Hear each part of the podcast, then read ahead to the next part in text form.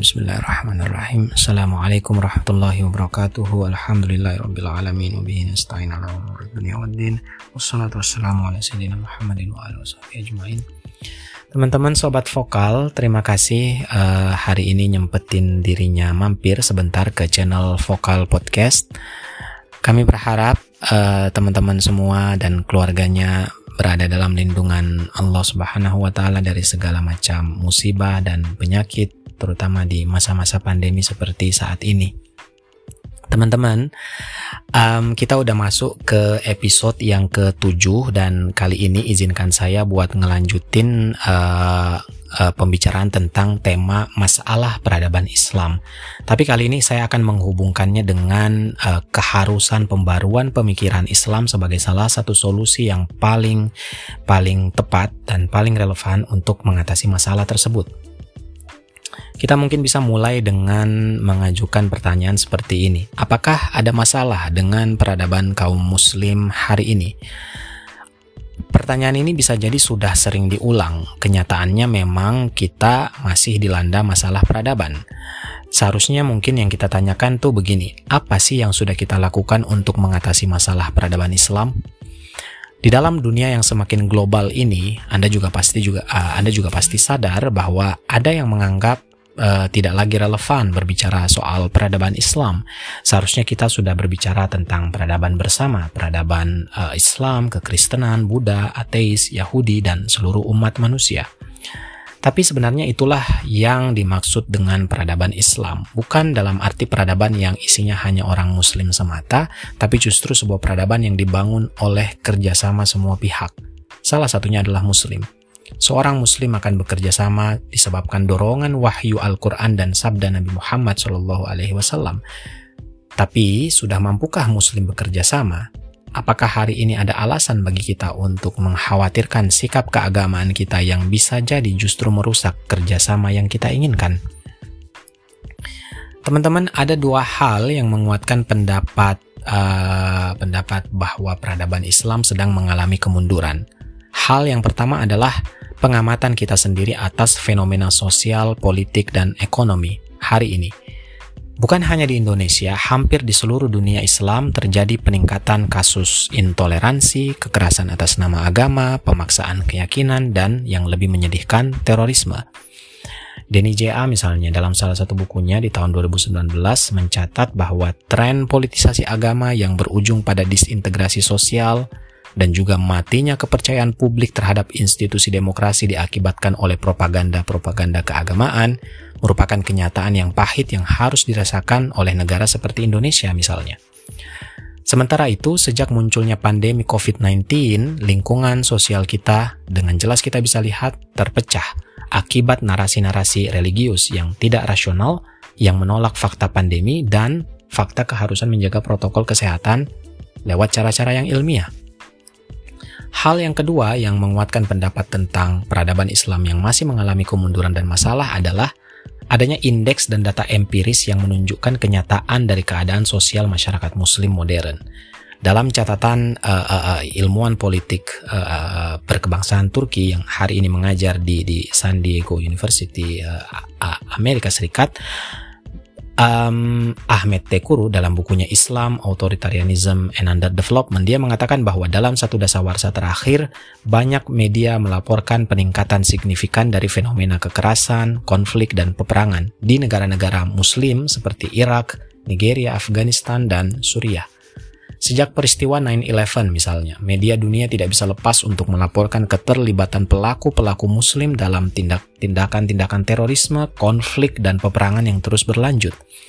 Menurut Ahmed Kuru, menonjolnya Islam dalam uh, Islam dan dunia Islam dalam data dan pemberitaan tersebut bukan lagi sekadar sensasionalisme jurnalistik dan bias belaka. Justru data ilmiah mendukung segala macam sorotan tersebut. Misalnya, dua per tiga dari semua perang dan konflik yang terjadi sepanjang 2009 terjadi di negara-negara mayoritas muslim.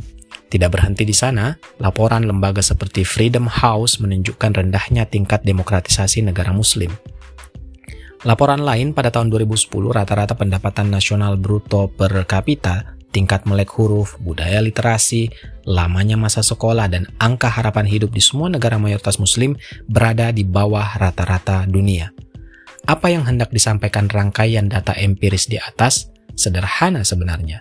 Ia hendak memberitahu kita bahwa ada yang tidak beres dalam cara hidup dan cara berpikir masyarakat muslim dalam mengisi peradabannya hari ini.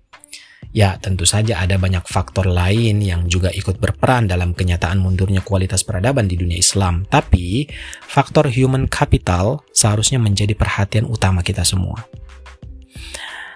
Kegelisahan atas kondisi peradaban Islam ini dengan sangat baik disampaikan oleh salah satu intelektual Muslim uh, modern yang juga mantan pejabat uh, menteri di Irak yang bernama Ali Alawi dalam bukunya yang berjudul The Crisis of Islamic Civilization.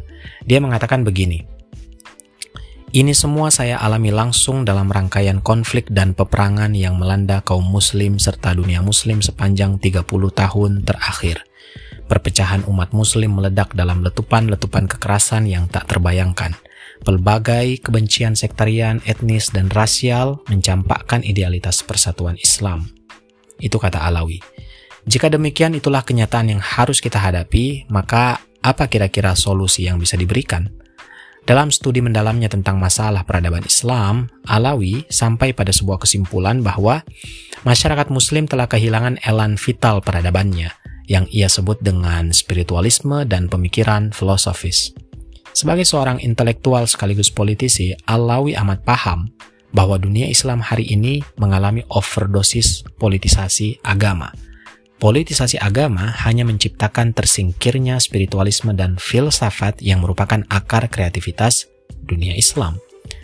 Tidak jauh berbeda dari Alawi, uh, almarhum Profesor Dawam Raharjo juga mengajukan tesis yang sama bahwa ada masalah epistemologi yang diderita oleh umat Islam. Menurutnya, selama rasionalisme dan pemikiran ilmiah dan filosofis tidak bisa tumbuh di dunia Islam, maka selama itu selama itu pula corak Islam yang sektarian dan politislah yang aktif yang akan aktif mengisi panggung. Tesis yang sama uh, dipertahankan juga oleh Ahmad Syafi'i Ma'arif, Buya Ahmad Syafi'i Ma'arif. Uh, beliau melihat dunia Islam belum bisa lepas dari belenggu masa lalunya yang terlalu sektarian dan tekstualis dalam memahami agama dan kehidupan. Buya Syafi'i misalnya mengatakan, uh, mengkritik bahkan secara sangat tajam dengan mengatakan bahwa uh, apa namanya konflik Sunni dan Syiah yang hari ini mati-matian dipertahankan oleh mayoritas umat Islam adalah sebuah warisan belenggu sektarianisme masa lalu tersebut. Nah, diakui ataupun tidak, uh, gerakan pembaruan pemikiran Islam telah berdampak pada penyelesaian beberapa masalah peradaban yang di atas tadi kita sebutkan. Masalah seperti sektarianisme, eksklusivisme, dan konservatisme beragama menemui penantang tangguh bernama pluralisme, inklusivisme, dan moderatisme yang digagas dan diperjuangkan oleh gerakan pembaharuan Islam. Tokoh-tokoh seperti almarhum Nurholis Majid, Abdurrahman Wahid, dan Jalaluddin Rahmat adalah beberapa nama yang mewakili pembaruan pemikiran Islam di Indonesia. Di samping mereka ada juga Mukti Ali, Harun Nasution, Dawam Raharjo, dan ah, uh, Buya Ahmad Syafi Ma'arif yang tadi kita kutip. Pembaharuan dan ide-ide mereka yang dilembagakan kemudian menjadi mercusuar bagi bangsa Indonesia untuk menemukan Islam yang lebih rasional, humanis, bebas, moderat, dan berorientasi kemajuan. Muhammadiyah dan Nahdlatul Ulama sebagai dua organisasi Islam terbesar di Indonesia juga menjadi lembaga-lembaga yang cukup serius mengakomodasi serta membumikan ide-ide pembaharuan di masyarakat.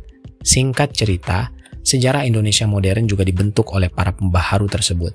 Apa yang mereka bentuk?